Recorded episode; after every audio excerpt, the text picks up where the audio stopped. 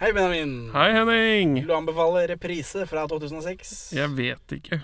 Så Henning, vil du anbefale reprise fra 2006? Jeg er egentlig enig med det du sier. Eller ja, har jeg sagt. Men uh, vi kommer til det på slutten av Ja, vi, når vi forklarer hvorfor. Jeg har sagt ja, jeg. Jeg sier ja. Perla for svin. Velkommen til Perleforsvin, podkasten for deg som har blitt fingerpult av Gerhardsen. Vi er to middelmådige menn i 30-åra som ser norske filmperler, og det er ikke noe grunn til å justere radioapparatet. Dette er ikke en reprise, men det er en helt ny episode om filmen Reprise fra 2006, da. Er dette her noe å eksponere verden for? Kom igjen, da. Koronaen har eh, slått til i podcasten, så vi har ikke vi, Nå spiller vi det i bilen min. ja, Nå sitter vi i en stakeout utenfor eh, blokka jeg bor i. Så Ja, ja. En liten nødepisode uh, da det ble noen forskyvninger i programmet grunnet korona. Uh, og jeg tror jeg har litt annen lyd på stemmen òg. Er mulig. Eh, alt er rart nå fordi vi sitter helt oppå hverandre inni en bil. Ja, det dugger på rutene. Det ser ut som vi Det er, det er dogging her, både i den ene og den andre betydningen, si. Og så, hvis noen, jeg har noen paranoide naboer, så har de et problem nå. For det ser veldig ut som vi er veldig dårlige til å avlytte noen. Det er sant. Nå sitter jeg her med coveret. Jeg er jo en sånn eh, fysisk medietype. Hylende morsom natt og dag. Hva syns du? Eh, eh, Ja, er det en komedie? Er det det? Jeg, jeg, Det er et morsomt tilsnitt, men det var ikke hylende morsomt. Men dette er en Natt og Dag-journalist som har skrevet, da. Ja, Og det er kanskje uh, den type folk filmen prater til, eller? ja, for dette er en De, de som har lagd den filmen her, er vel generasjon X-ere, er det ikke det? Jo, det er jo Joachim Trier, da. Han var vel 32, tror jeg. Ja, men han var jo Altså, han var, han var ung i grunge-tida, var han ikke det? Eh, Han- ja, han er jo gammel skater. Ja, han er jo gammel verdens Han har skatet verden rundt, faktisk. Ja, han har vært sponsa skater. Det er jo ordentlig. Han har fått betalt for å skate. Proffskater. Apropos at han er sånn, han er sånn hiphop-type, da. Breakdance, eh, og så bare skatinga som liksom tok av. På baksida her sånn, så er det en annen hiphop-type. Aksel Hennie. Den beste norske filmen jeg noen gang har sett. Aksel Hennie er skuespiller og regissør, står det. Ja. Det, det, det er 2006, da, så de har fått med seg Uno. det, det er tett, i, tett til Uno. Ja, 2004, vel. Ja. Så det var coveret. Jeg reagerte egentlig mest på Hylende morsom. For det syns jeg hørtes rart ut. Jeg, jeg, jeg, har ikke gjort noe research på filmen, men jeg så første linje, eller et eller annet sånt sitat fra en anmeldelse. Og det var sånn der eh, bitende ironisering over kreative jyplinger i Oslo, eller noe annet. Eh, ja ja. Og for oss som har tilbrakt litt tid sammen med kultureliten, så kjenner jeg jo igjen noen av karakterene. Men morsomt er det jo ikke så ofte. Det hender at jeg ler. ja ikke hylende morsomt. Det er ikke uh, American Pie, dette. Men hvis du er natt og dag-journalist og kjenner 100 sånne fyrer som er med i den Ja. filmen her, Ja, og du eh, skulle ønske du var en for ti år siden. så ja, da kan det være gøy. Det Nå det begynner, ikke sant? Oscar-utdelingen står i Norges navn i år. Dette er et helt annet tema, Er, som er- du kanskje merker. Ja, Er det en norsk rekord i år, eller? Ja, det er det også. Det er jo to nominasjoner. Det har Norge aldri fått. Eh, Til verdens verste menneske.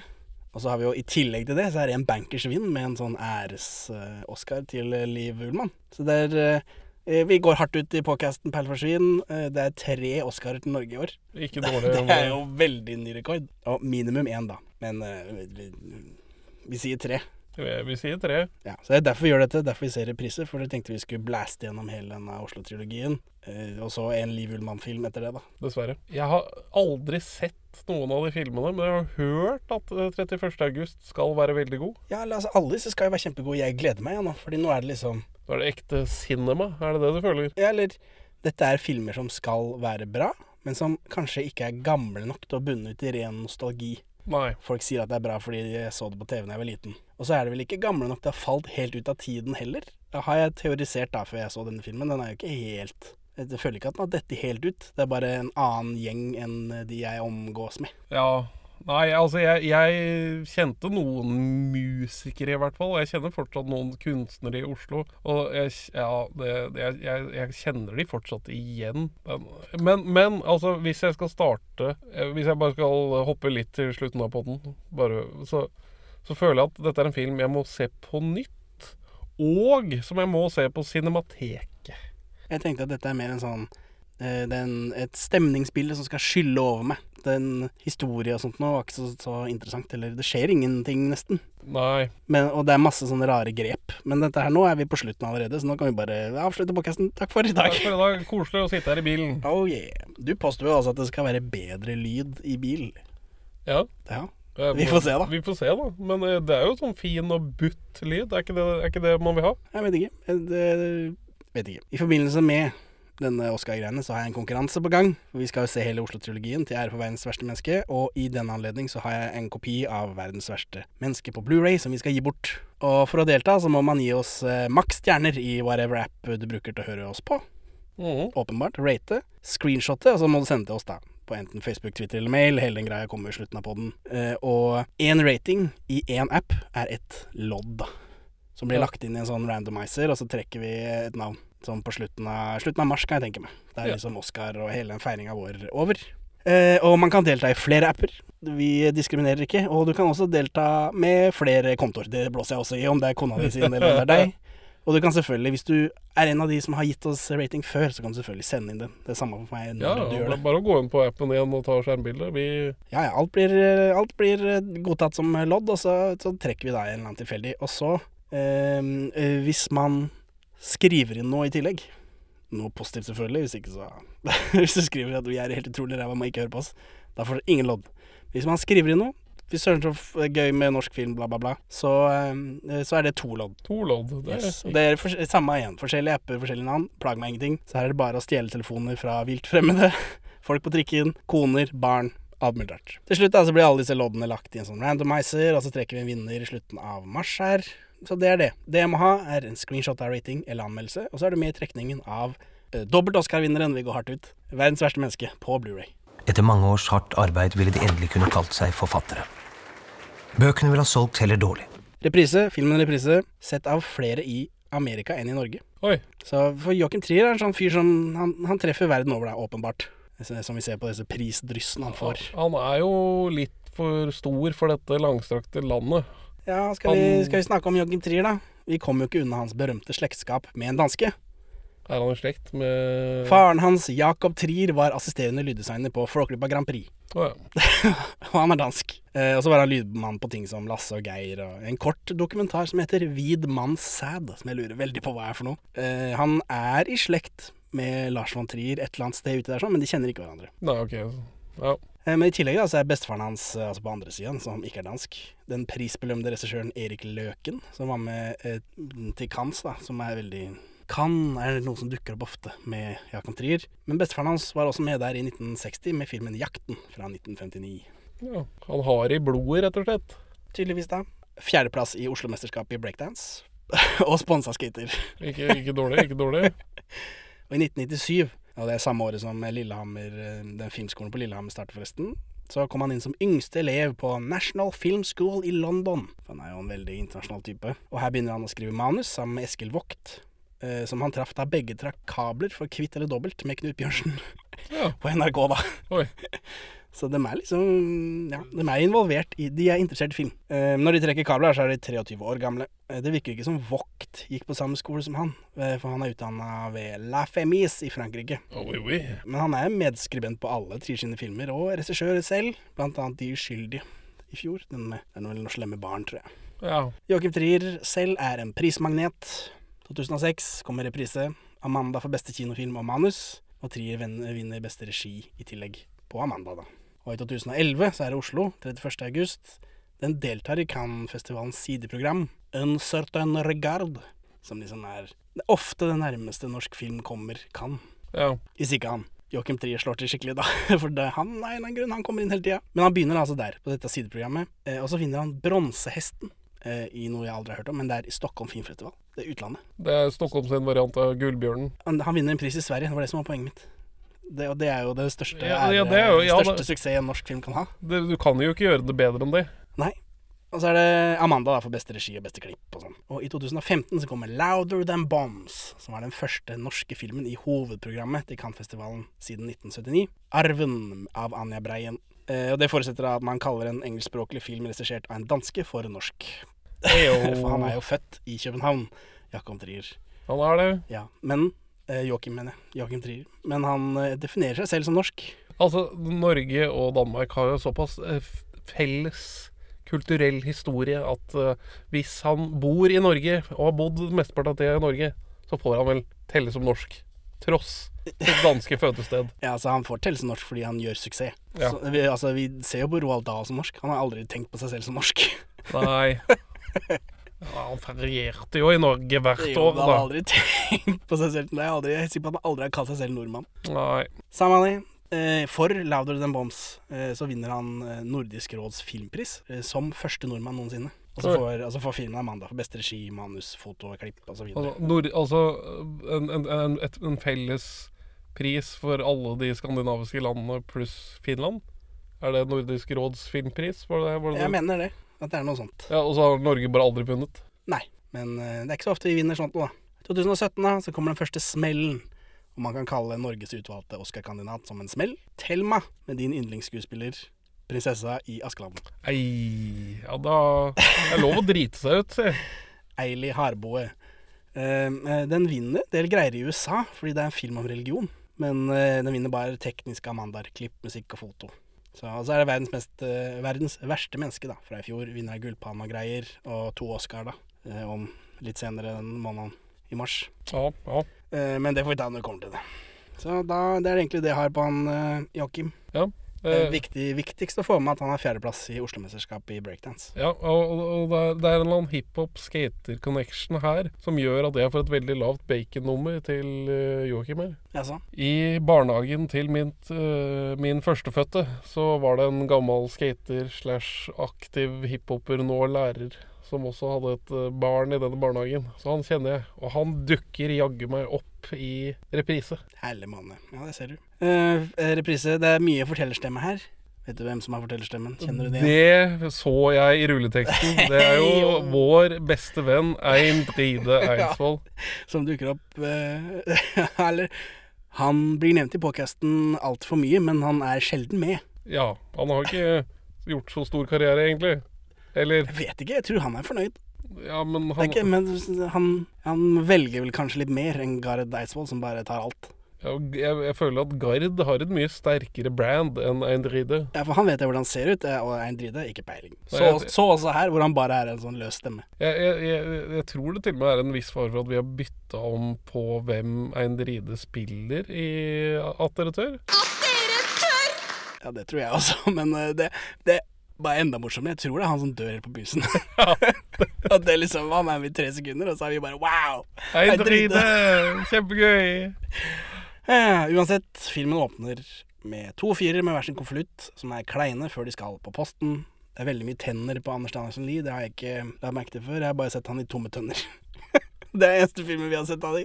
Ja, for det er hovedrollen her. Det er han Philip, Philip. han som får sammenbruddet. Ja. Ikke han andre. Anders Behring Breivik. Eh, ja, i en eller annen 22. julefilm. Det er litt sånn ubehagelig rolle å bekle, og så liksom skal ha andre roller ellers òg. Du er veldig opptatt av den ene rollen hans. Hver gang vi snakker om han, så, så, du, så går du rett på den. Men å være skuespiller er å bekle seg forskjellige roller, Benjamin. Hæ? Man kan, man kan late som man er forskjellige folk og karakterer. Han er lege på ordentlig, visste du det? Ja, det, han, det er sjukt. han er får du til det. det, hvordan, ja, hvordan får du til det? Den uventede suksessen ville overveldet Philip. I et anfall av hybris ville han i en alder av 23 år erklært sitt litterære prosjekt for fullendt og trukket seg tilbake fra Nei. Nei, det ville heller vært en ulykkelig kjærlighetshistorie som ville fått Philip til å miste troen på litteraturen. Gutta poster da, og så ser vi fra innsiden av postkassa, og så kommer det et grep. Det er sort-hvitt, og så er det en voiceover i tillegg. Ja, Av Vein Dride. Eh, og han forteller da hvordan det ville gått med gutta om manusene blir bøker. Ja og vi får et sånn Vi, vi får et bilde hva, hva, Omslagsfoto hva, hva heter det på den der Det er det der forfatterbildet. Det, vet Ja, faen, det er et annet. Og så er det Og så beveger de seg i bildet som det er Harry Potter. Ja, eller det er jo i takt med det han forteller. Da. Ja. Ingen av disse bøkene selger stort, men de vil treffe en nerve senere. Anders Danielsen Lie, som spiller Philip, vil slutte å skrive pga. kjærlighetssorg. Han rømmer til Frankrike. Han får Stendhal-syndrom av hulemalerier. Eh, Som han uttaler som Stendal-syndrom i filmen, fordi det heter han forfatteren senere. ja. Hva er Stendal-syndrom? Vet ikke. Det er en eh, Dario Argento-film fra 1996. Den første italienske filmen til å bruke CGI. Oi, oi. Og selve syndromet er eh, når noen går inn i en sånn dissosiativ tilstand utløst av kunst. Ja. ja da, referansen er i orden, hører jeg, for denne filmen. ja, Dario Argento. Ja, men det er veldig mye sånn litteraturreferanser, tror jeg, som ikke jeg bryr meg om, Ja. mistenker jeg. Det er jo det levende bildet som gjelder, ikke det fantasi. Ja, ja, ja. De, de fineste bildene er de du får på skjerm, ikke de inni hodet. Show, don't tell. ja, hører du det? Det som skriver bøker.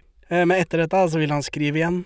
Eh, og så forteller, vi, forteller han om eh, hva han Erik, da, han andre fyren, spilt av han kjekke i Barbea, tror jeg. Ja. Han er med i Kamp om tungtvannet-TV-serien. Jeg slo han vel opp i forbindelse med Barbea, og alle intervjuer var sånn Er det ikke vanskelig å være så kjekk? Fordi han alltid Han tydeligvis ble, blir typecasta som kjekk. Han er som en sånn blond uh, tenårings-Matthew McConaughey i sitt utseende, syns jeg. Jeg sitter ikke igjen med sånn kjempeinntrykk.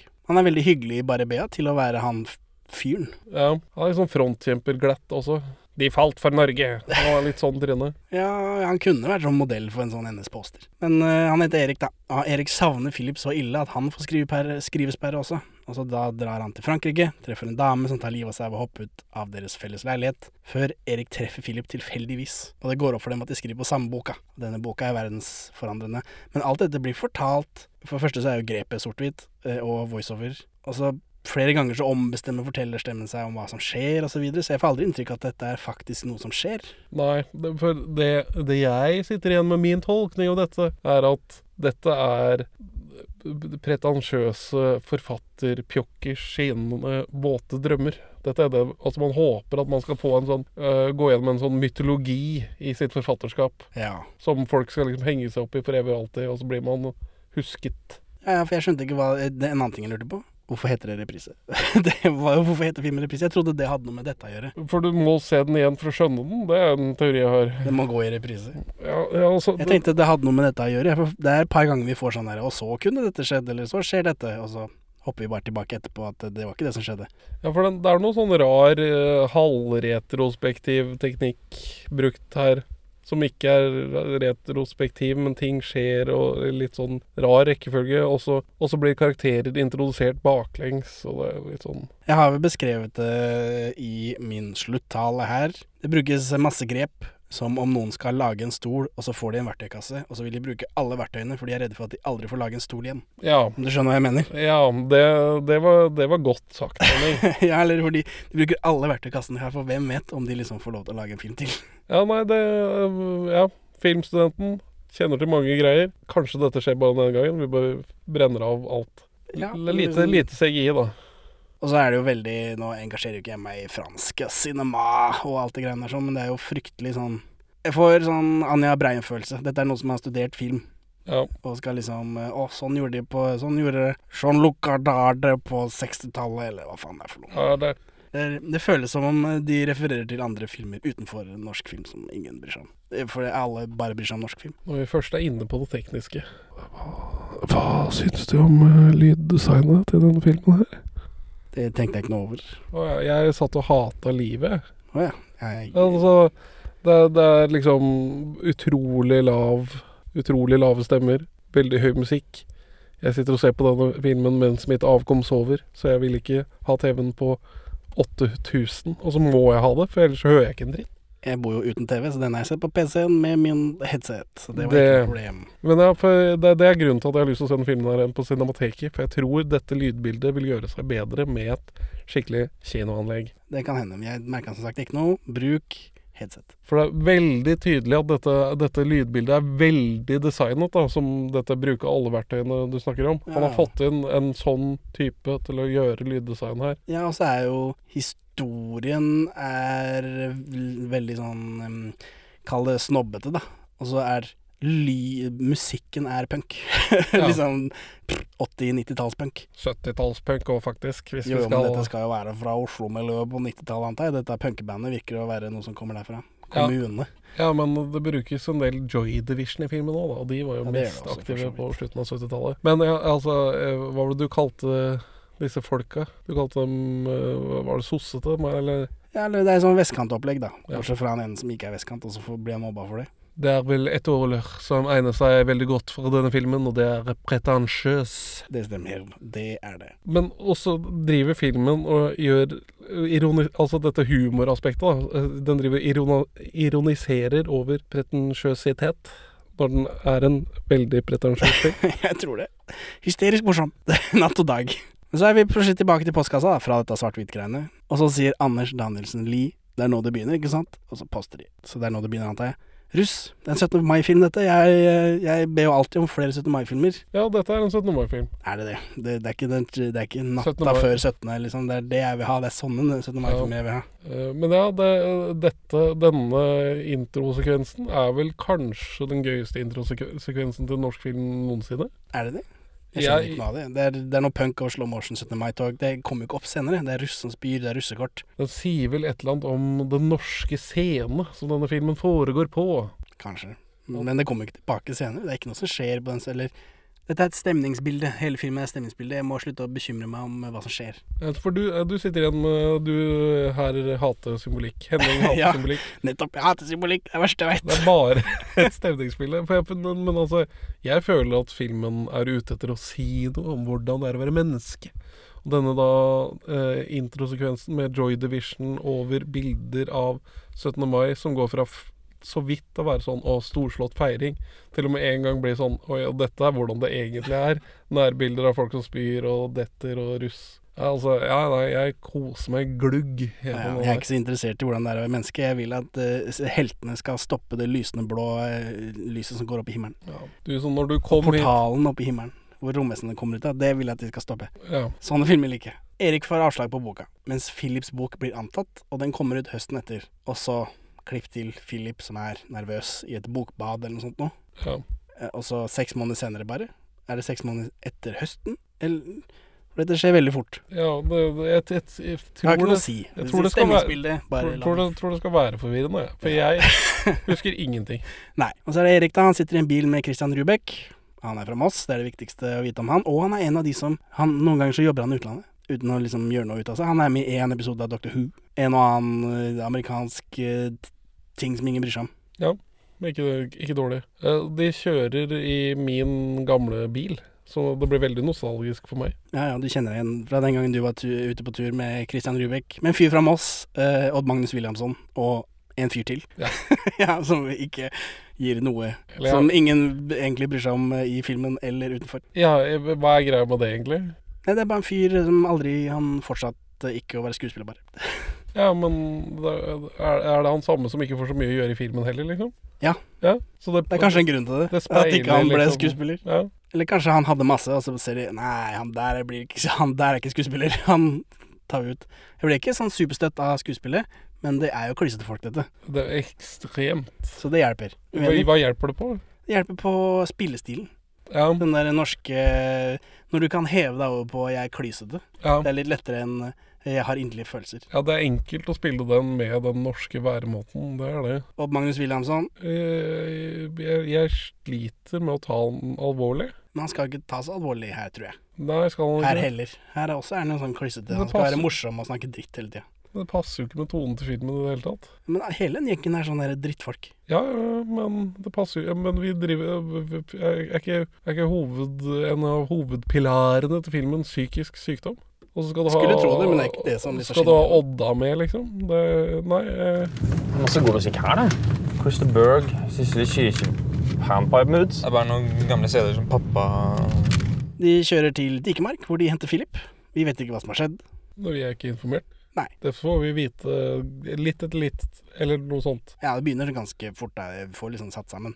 Eh, For på vei hjem i denne bilen så er det sånn mediumstemning, og så får vi noen flashback til en blodig Philip. Rotete leilighet. Han har knust masse ting, og så er han rabiat på legevakta, tror jeg. Eh, gutta stopper på Bygdøy, de ser på havet. Ja. Philip tenker på bedre tider, tror jeg. Ja, for- Eller så tenker han at jeg kunne gjort sånn, og da hadde det vært hyggelig. For han døtter han der fyren som ikke vi vet hvem er, han skuespilleren vi ikke bryr oss om, ut i vannet. Men så viser det seg at det er bare noe han tenker. Men så vet jeg ikke om, er det noe som har skjedd før de hadde det hyggelig, eller er det noe han tenker hvis jeg gjør sånn, så kunne vi hatt det hyggelig, men så gjør de det ikke fordi det er dårlig stemning? Nei, det er noe som har skjedd før, fordi det er jo han som ber dem om Kan vi ikke ta ta tur innom bygda? Filmen forteller oss her at det er et sted vi som guttegjeng pleier å dra på sommeren for å ha det hyggelig. Ja, for det er liksom, det er øl, det er vinyl, kaster hverandre i vannet, osv. Det er ikke vinyl på stranda. Eh, nei, men det er vinyl etter flashbacket, hvor alt er hyggelig. Ja.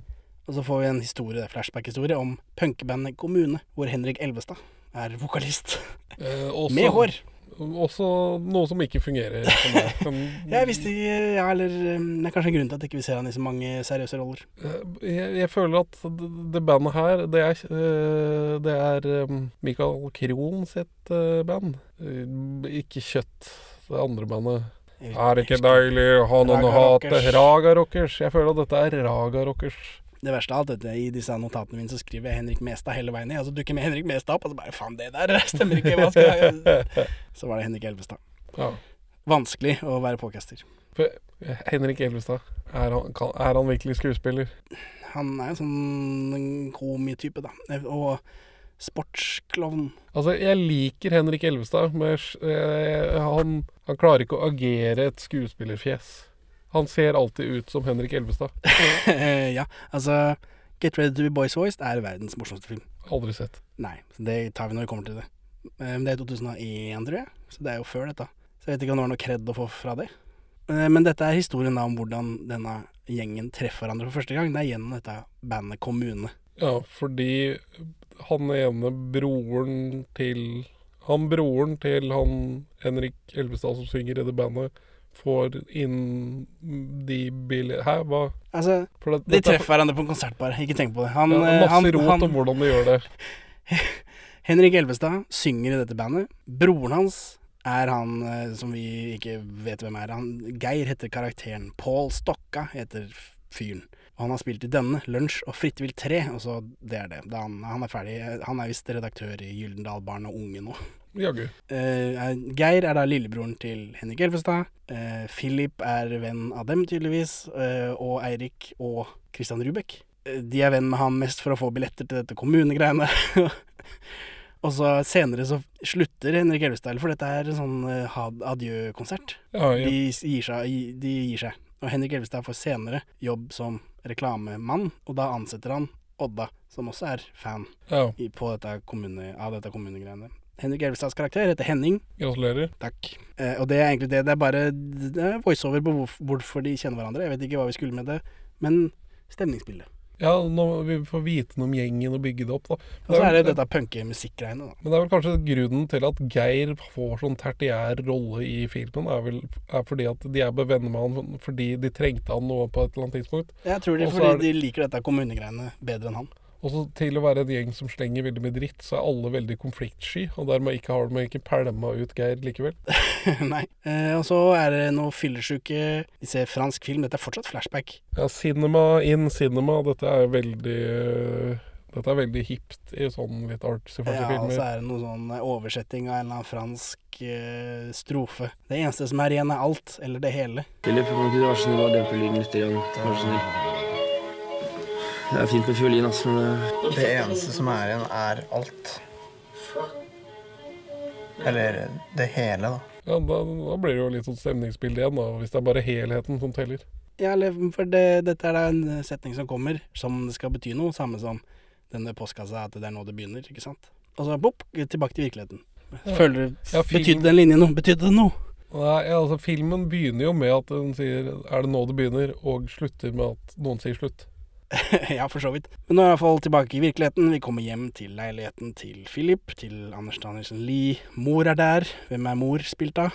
Uh, aner ikke. Tone Danielsen, faktisk mor til Anders Danielsen Lie. Ja. Hun er, eh, hun, hun er bare en sånn skuespiller som dukker opp i ting og tang, men når vi kommer til Skjær i sjøen, hennes debut, hvor hun liksom har en ordentlig rolle, hvor hun er datter av Henry, av Henke Kolstad, og Solfrid Heier er hennes venninne, og Henke Kolstad og Solfrid Heier liksom er på hverandre. ja.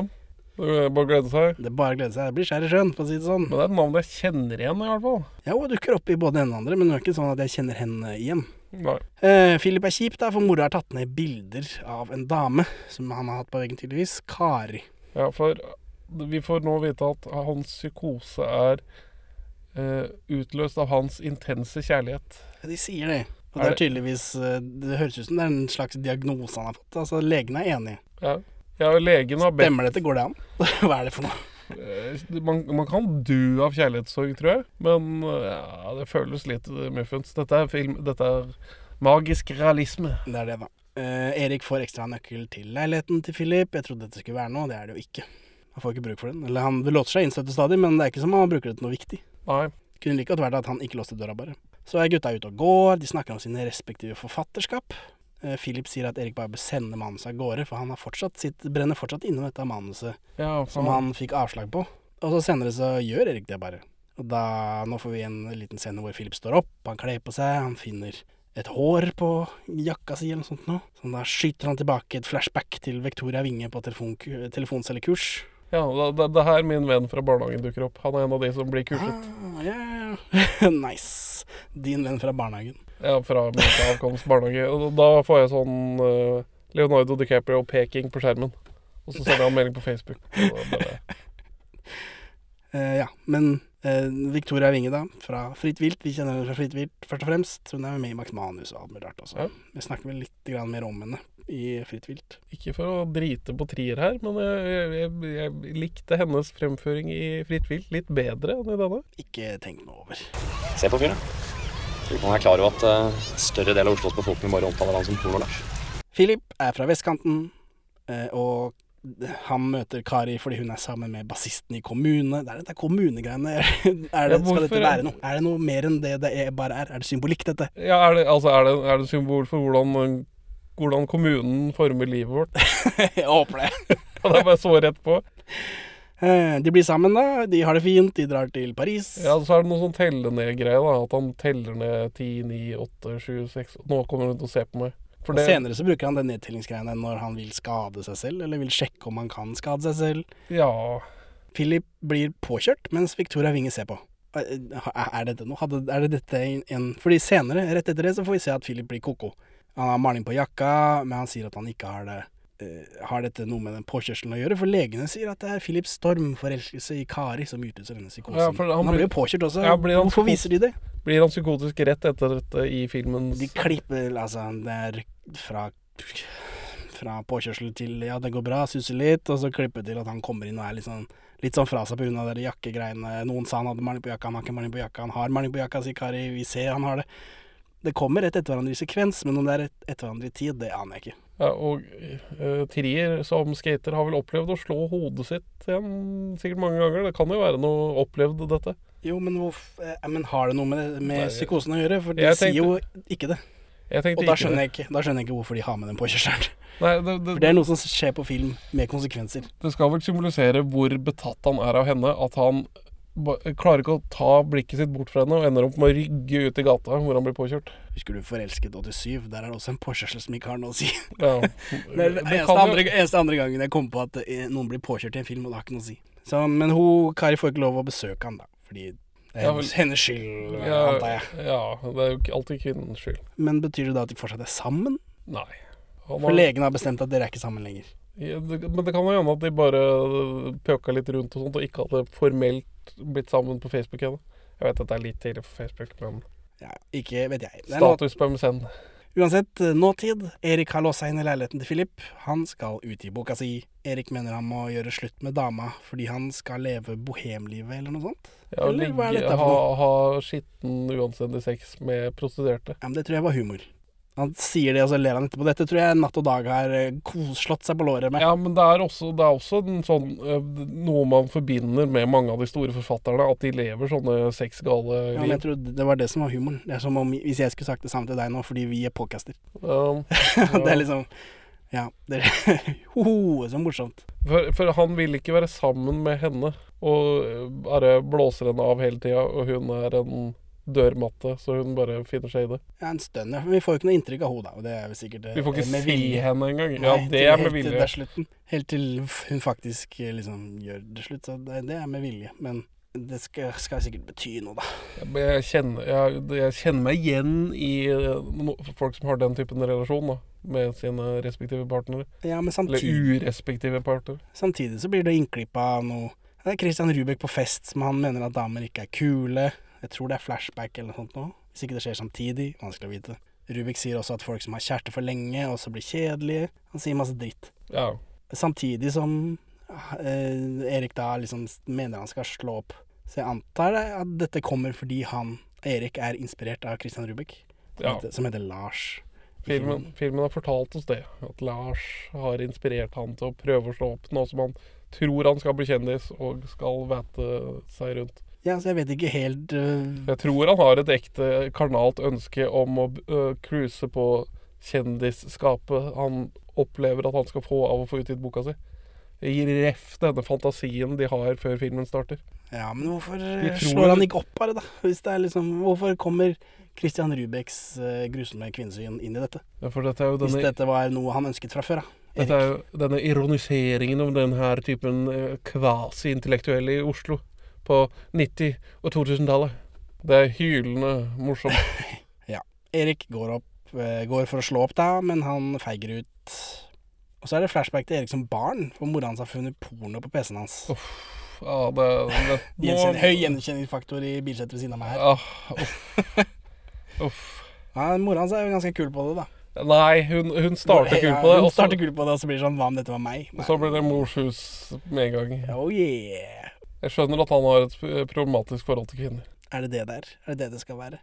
En gang så tok mora hans han i å se på porno på PC-en. Ja, og så, øh, det, det, det, for Hvem har det ikke skjedd med? da? Vi blir jo ikke fucka alle sammen. Nei, nei, men det er den der spesifikke greia hvor hun prøver å knytte seg selv opp til pornoen. Ja, det var litt rart. det gjør det vanskelig å fordøye for en stakkars gutt på tolv år. Men hva er det med denne Lillian-dama hans å gjøre? Det er, whatever. For det går fort over, og det kommer ikke sånn tilbake igjen. Stemningsbildet. Ja, la det skylle over meg, bare. Og her eh, så er det noe innklipp av Rubeken da, som sier at eh, Erik må være slem noen ganger. Og så Ja. får vi enda et flashback til Erik som barn, hvor han på barneskolen får en fyr til å slutte. Ja, for jeg, jeg skjønte ikke helt uh, kontinuiteten her. For noen kaller Noen blir kalt for homo. Han fyren som Erik får til å slutte, har under mobbing sagt at Philip er homo. Ja. Og så sier Erik det til noen, og så baller det på seg med fau og det som verre er. Og så må han til slutt bytte skole til en dårligere skole, tydeligvis. Ja, Og så-. Og så tenker vi ikke mer på det før helt til slutten av filmen. Men Erik slår iallfall ikke opp, da. Og så nå er vi plutselig på en eller annen bar, og så er Victoria Winge der, og hun ser en fyr som ligner på Philip, men det er ikke han. Og så er Winge hjemme og depper, hun ringer Philip. Og her trodde jeg at Philip ikke svarte, men det viser seg at det har han jo gjort, da. Ja, men ja. Fordi det er filma som om han bare sitter og hører på at det ringer. Dette, dette, dette er ikke en film som egner seg for vår uh, beat for beat-gjennomgang av en uh, Nei, story. nei. Nei, nei, nei. nei, vi går jo fram til hva vi kjører på. Det eneste måten jeg kan analysere film på, er å bare fortelle hva som har skjedd. og så si ha det bra, Benjamin, etterpå. Ja. ja, vi har begynt å snakke litt sånn rundt filmen og litt sånn i starten noen ganger, da. Ja ja, men altså, jeg skjønner ikke noe av dette. Det er bare Jeg må la det skylle over meg. Det er det jeg kom fram til. Ja. Eh, Det er en ny dag, Philip kler på seg, han treffer Vinge på kafé. Det er syv måneder siden de traff hverandre sist. Og så snakker de om tidlig forholdet, om da de var forelsket i hverandre. eh, Eller om de var forelsket i hverandre i det hele tatt. Philip sier han var det. Han var ikke syk allerede da. Hva betyr det? Aner ikke. Og så klippes det mellom ute og inne. Og noen ganger så snakker de, og noen ganger så har de stemmen i voiceover, og alt er samme samtale. Det er, dette, det er den der verktøykassa mi. Dette lukter lånt fra en eller annen fransk film. Ja, helt sikkert. Og så kommer, så kommer Henrik Mestad. Ah, jeg må gjøre om på alle notatene mine. Fordi jeg har skrevet Henrik Mestad når jeg mener Henrik Elvestad. Eh, og han er visst redaktør. Og, eh, og i den scenen her sånn, så er Erik er inne. Og han får noe, eh, noe piss fordi den eh, tittelen på boka hans er så rar. Eh, og så er det en annen dame der, og så blir Erik invitert på noe greier. Og på dette greiene så vil det være en annen forfatter, som de er fan av da. Sten Egil Dahl. Og hele tida i den scenen her så er det noen som driver og jobber ute på gata med sånn hakker i asfalten. Hvorfor det? Hva betyr dette? Lyddesign. Wow. Mission son. Og så får vi noe Dette likte jeg, da. Får vi noen gamle klipp fra Åpen post. Ja, altså ikke, virkelig ikke Åpen Ikke Bård Tufte Johansen, Harald Eia og Åpen post, men den ordentlige Åpen post. Det som var sånn debattprogram på NRK tidlig på Ja, i, på 60-tallet. Jeg sa at det ikke var så mye CGI i filmen. Jeg trekker det tilbake. Det er jo en del Her er det faktisk CGI. Her Her, er har de satt inn en annen fyr som skal være han, eh, han forfatteren, som er tydeligvis veldig mystisk. Ja, som forfatter som bare gir ut en bok, og så blir han borte. Eh, og så er det noen flashbacks, tror jeg, til at Erik og Philip stalker denne forfatteren. For de har da klart å funne ut hvor han bor. Ja, fordi i en bok så beskriver han veldig, en veldig spesifikk, eh, et veldig spesifikt syn av monolitten i Frognerparken. Ja, så de henger da bare rundt i, i Frognerparken helt til han kommer, da. Helt til de ser han. Og så sitter han på en benk, og så går Philip bort og så setter han seg ned ved siden av, sånn nonchalant. Og så tar de bilde, og så viser det at han har ikke tatt av dekselet etterpå. Det var dumt. Humor Hylende morsomt, men dette er sånn jeg kunne gjort Ja. med en eller annen random norsk filmfyr. Nils Ole Oftebro, for eksempel. og så sitter gutta inne i leiligheten, og her kommer en Elling-referanse. da ble du glad, vel? Hva, da? Jeg klipper inn her. Men du, Elling. Har du egentlig vært ute av leiligheten? Ja, faen, jeg var på apoteket i dag. var på apoteket. Og nå er de ute og soler seg.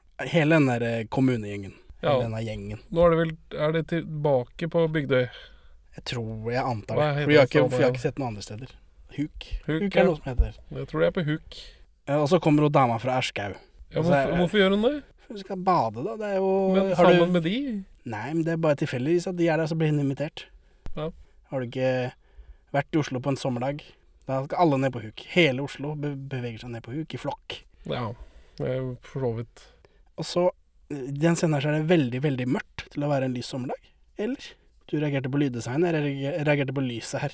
Det, er- det er vel litt hardt stilisert på et eller annet vis, ja. At man har Jeg vet ikke. Jeg jeg, det, men det var så rart at jeg trodde det var enda et flashback, men det er det jo ikke.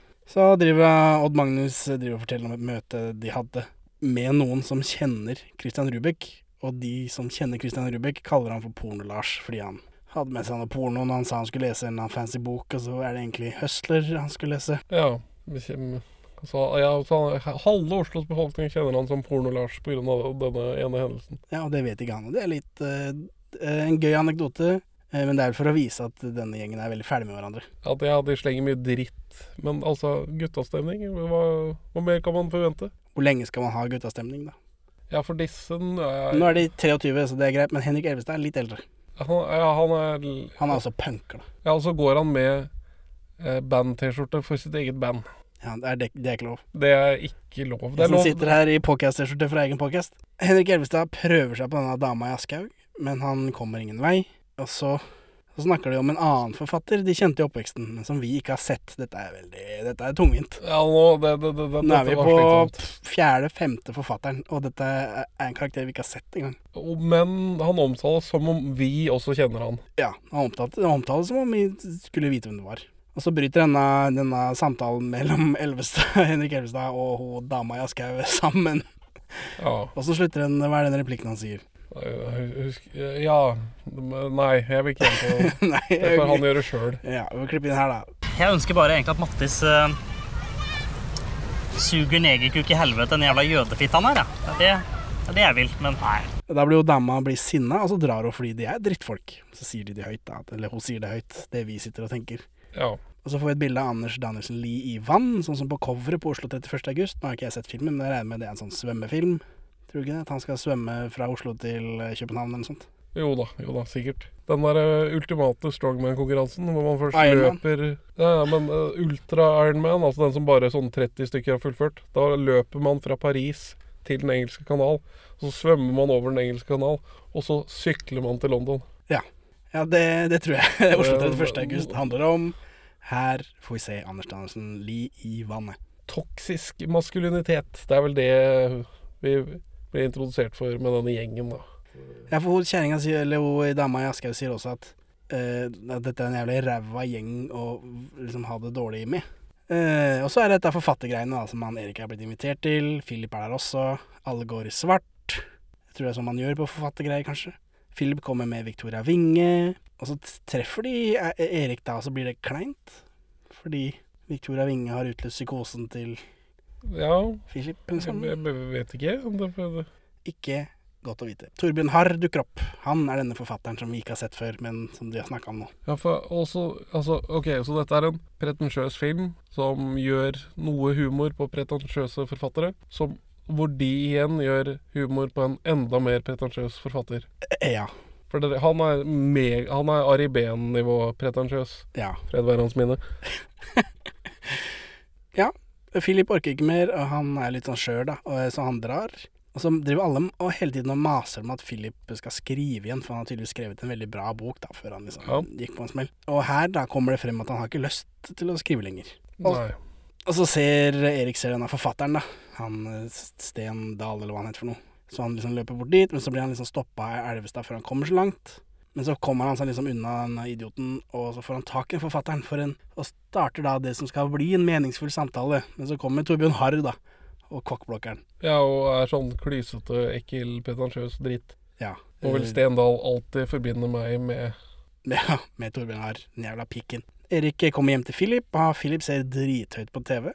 Erik prøver å finne ut av hva det er for noe. Har du tatt medisinene? Har det skjedd noe med Kari? Da blir Philip sur, da, og jager han. Hva er dette for noe? Vet ikke. Han har, han har vel fått psykose igjen av å ha sett Ja, for det er noe rart Eller vi får jo vite da at det er noe rart med han senere. At liksom For nå Han har kjøpt billett til Paris til Kari.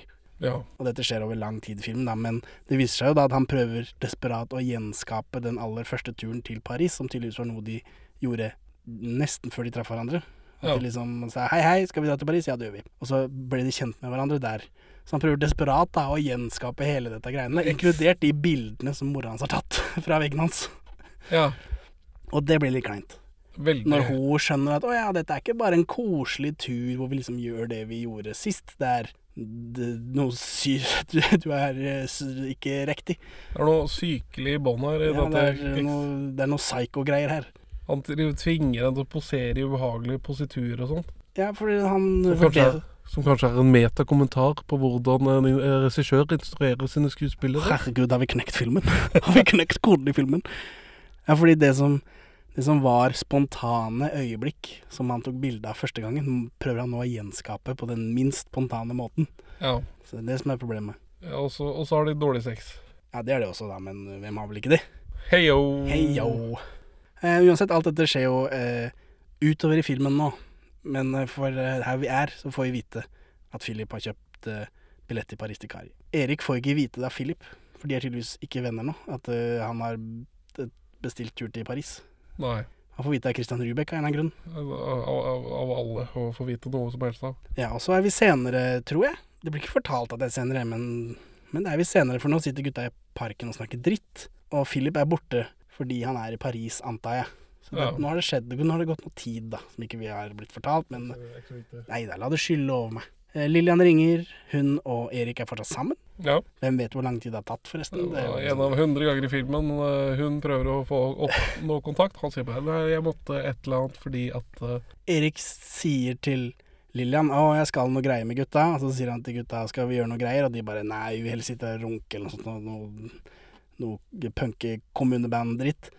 Og så går han bare av gårde alene og depper.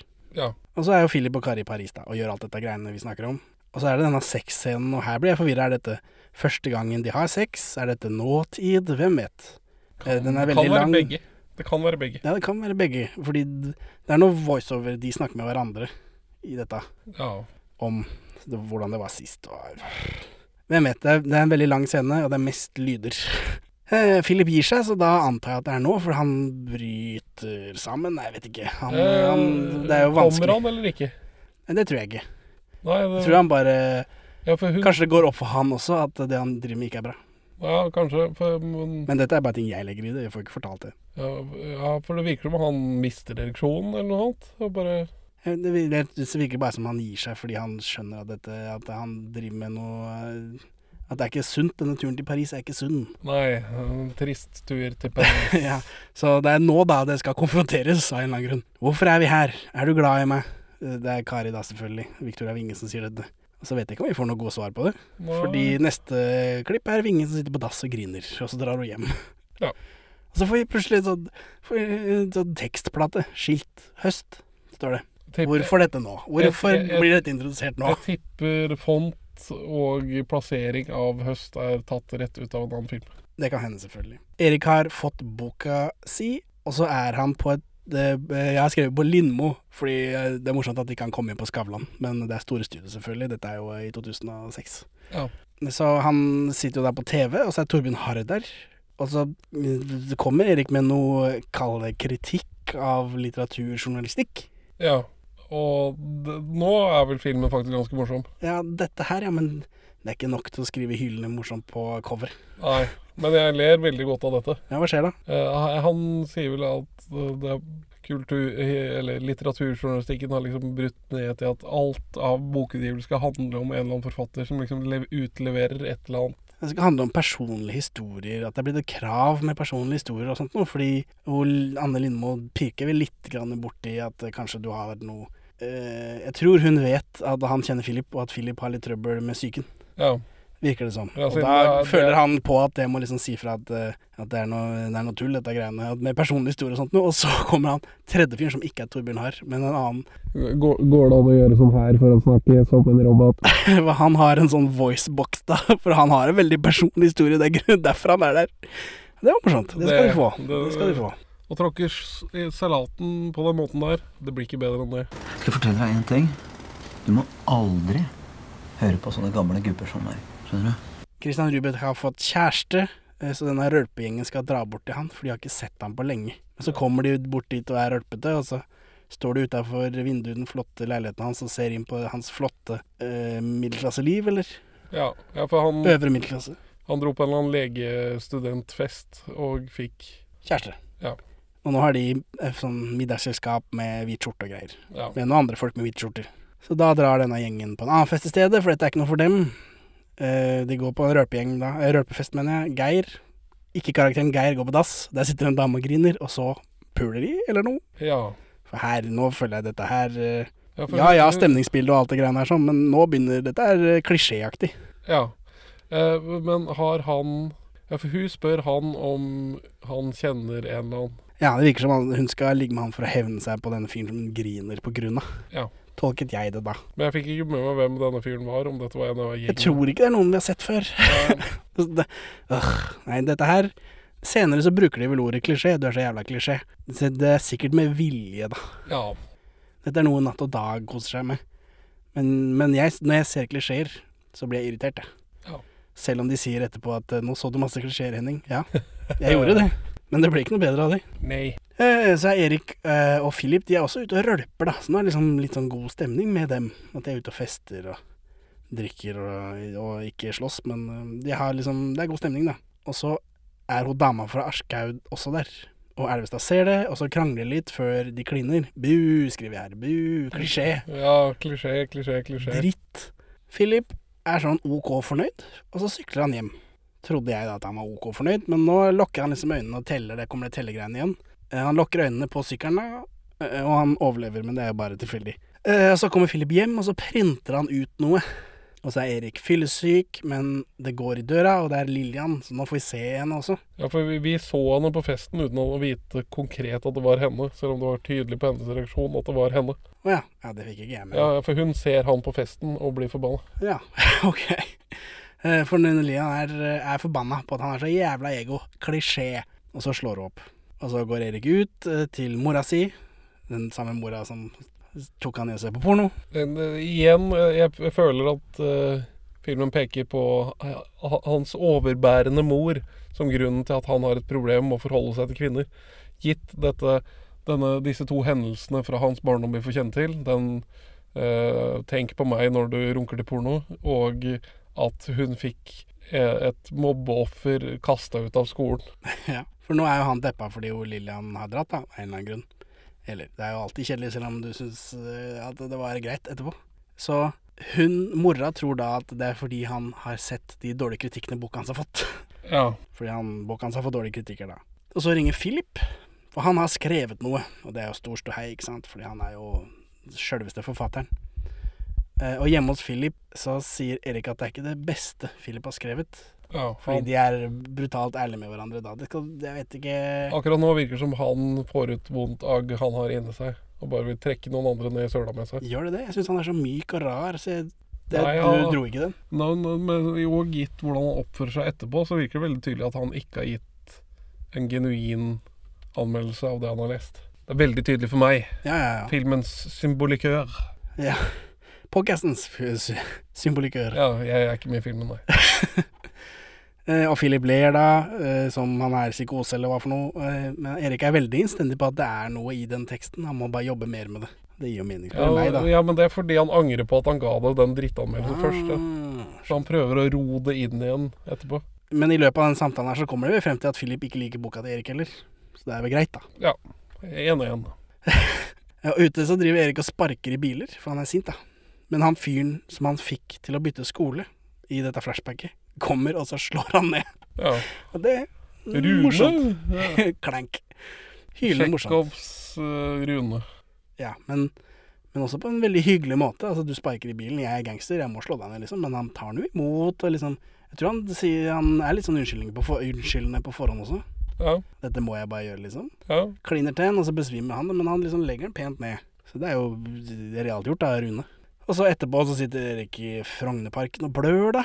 Oppå, oppå stol rygglenene på en krakk. Og så blir han plutselig hoppa ned av en hund. Ja. Eh, og så våkner han opp på sofaen hos denne forfatteren. Oh my god. Bam, bam, bam. Han likte boka, Sten Erik Dahl. Erik drar hjem, da, og eh, voiceoveren sier at et par dager senere så går det opp for han at han må reise fra Oslo. Og nå blir det noen sånn rot med den forrige historien og filmens faktiske historie, og det er litt sånn Ja, nå er det noe grep igjen. Philip roter rundt hjemme, han sliter, han prøver å bli påkjørt av trikken, tror jeg, det er den der tellegreiene. Mm. Så tar han heisen opp et sted, og vi mistenker selvmord, selvfølgelig. Ja, Det er veldig, veldig. Eh, Men så viser det seg at han er kommet opp på denne telefonsellejobben til Kari. Eh, og han jangler, han snakker om at det er mye mer mellom dem. Han er veldig intens som man ser på film, men på ordentlig så er det ikke gøy. Nei, sånn liksom å, ja, det, ja jeg vet ikke hvordan jeg skal beskrive det engang. Men det er sånn store romantiske gester som man gjør på film, men som er uh, creepy og stalking uh, på, i virkeligheten. Ja, I hvert fall når det blir gjort med den psykotiske deliveryen som man har her, da. Altså, Ja, ja. det går an å gjøre store romantiske gester og få det til å fungere, hvis man ikke er psykotisk. det hjelper i hvert fall. Og, og hvis du har en pågående relasjon med personen du gjør en stor romantisk gest til, så Ja, for det også. de har jo en liksom fram og tilbake, da, så det er, det, jeg kunne kanskje vært med på det.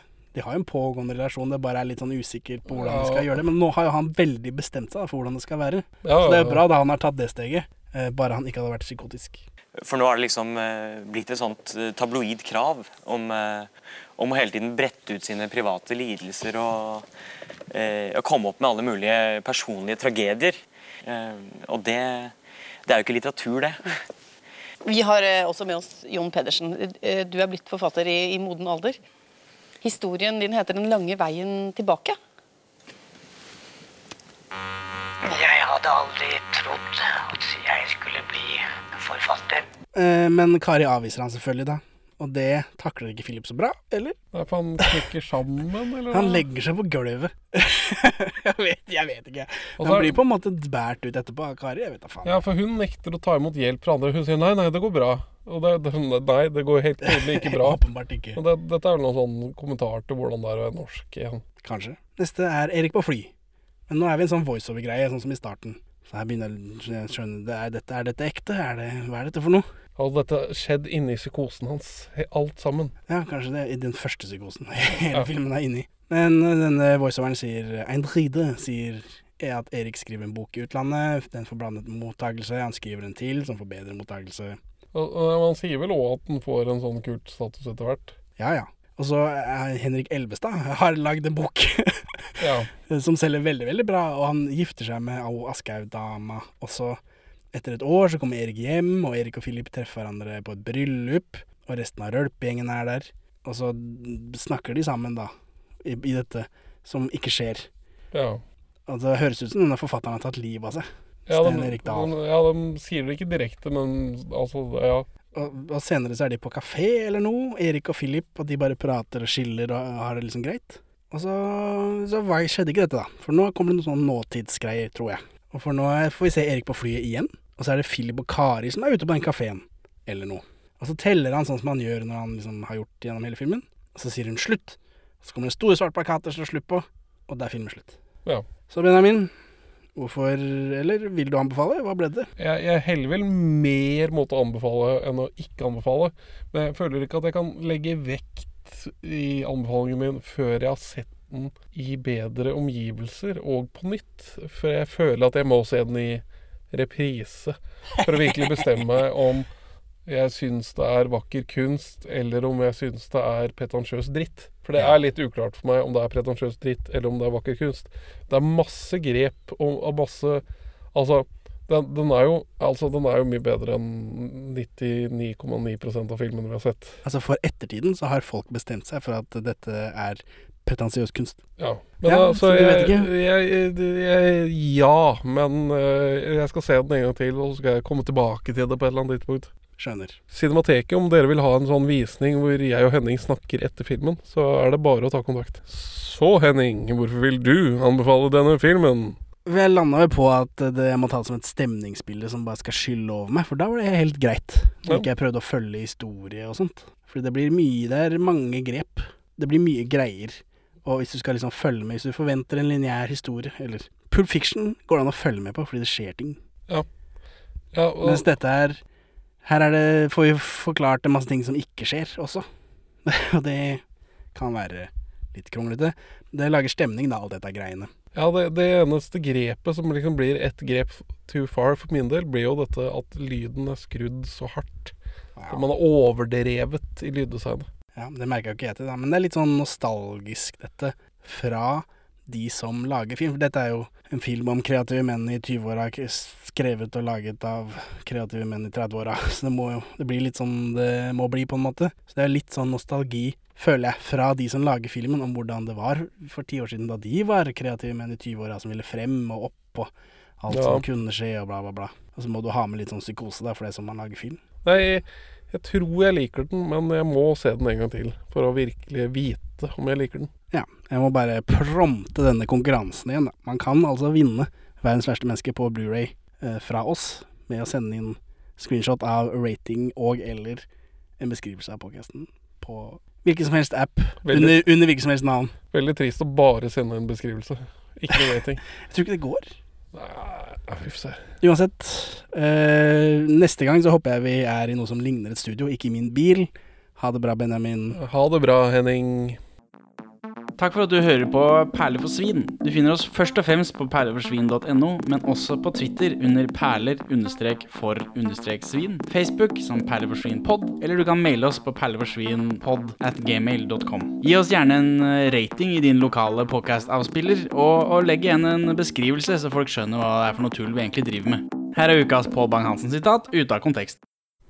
Ja, her sitter vi og skal forsøke å mindre alle om at eh, selv med nye og blanke billedmaskiner midt i stua, så går det faktisk fremdeles an å gå på kino.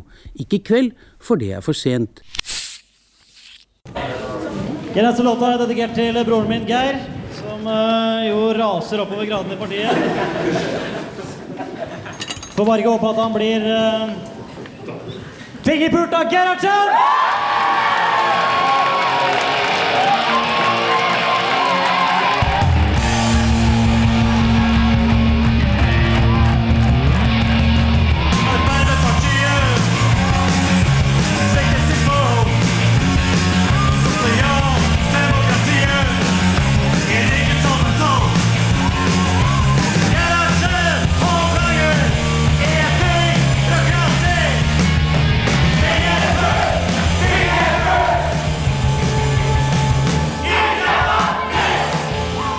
Sønnen til Nils Vogt?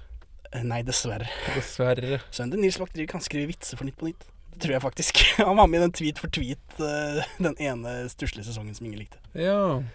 Oi, det er lenge siden, kjenner jeg. Ti, ni, Du, ikke. åtte, syv, seks, fem. Fire, tre, to, en. Slutt.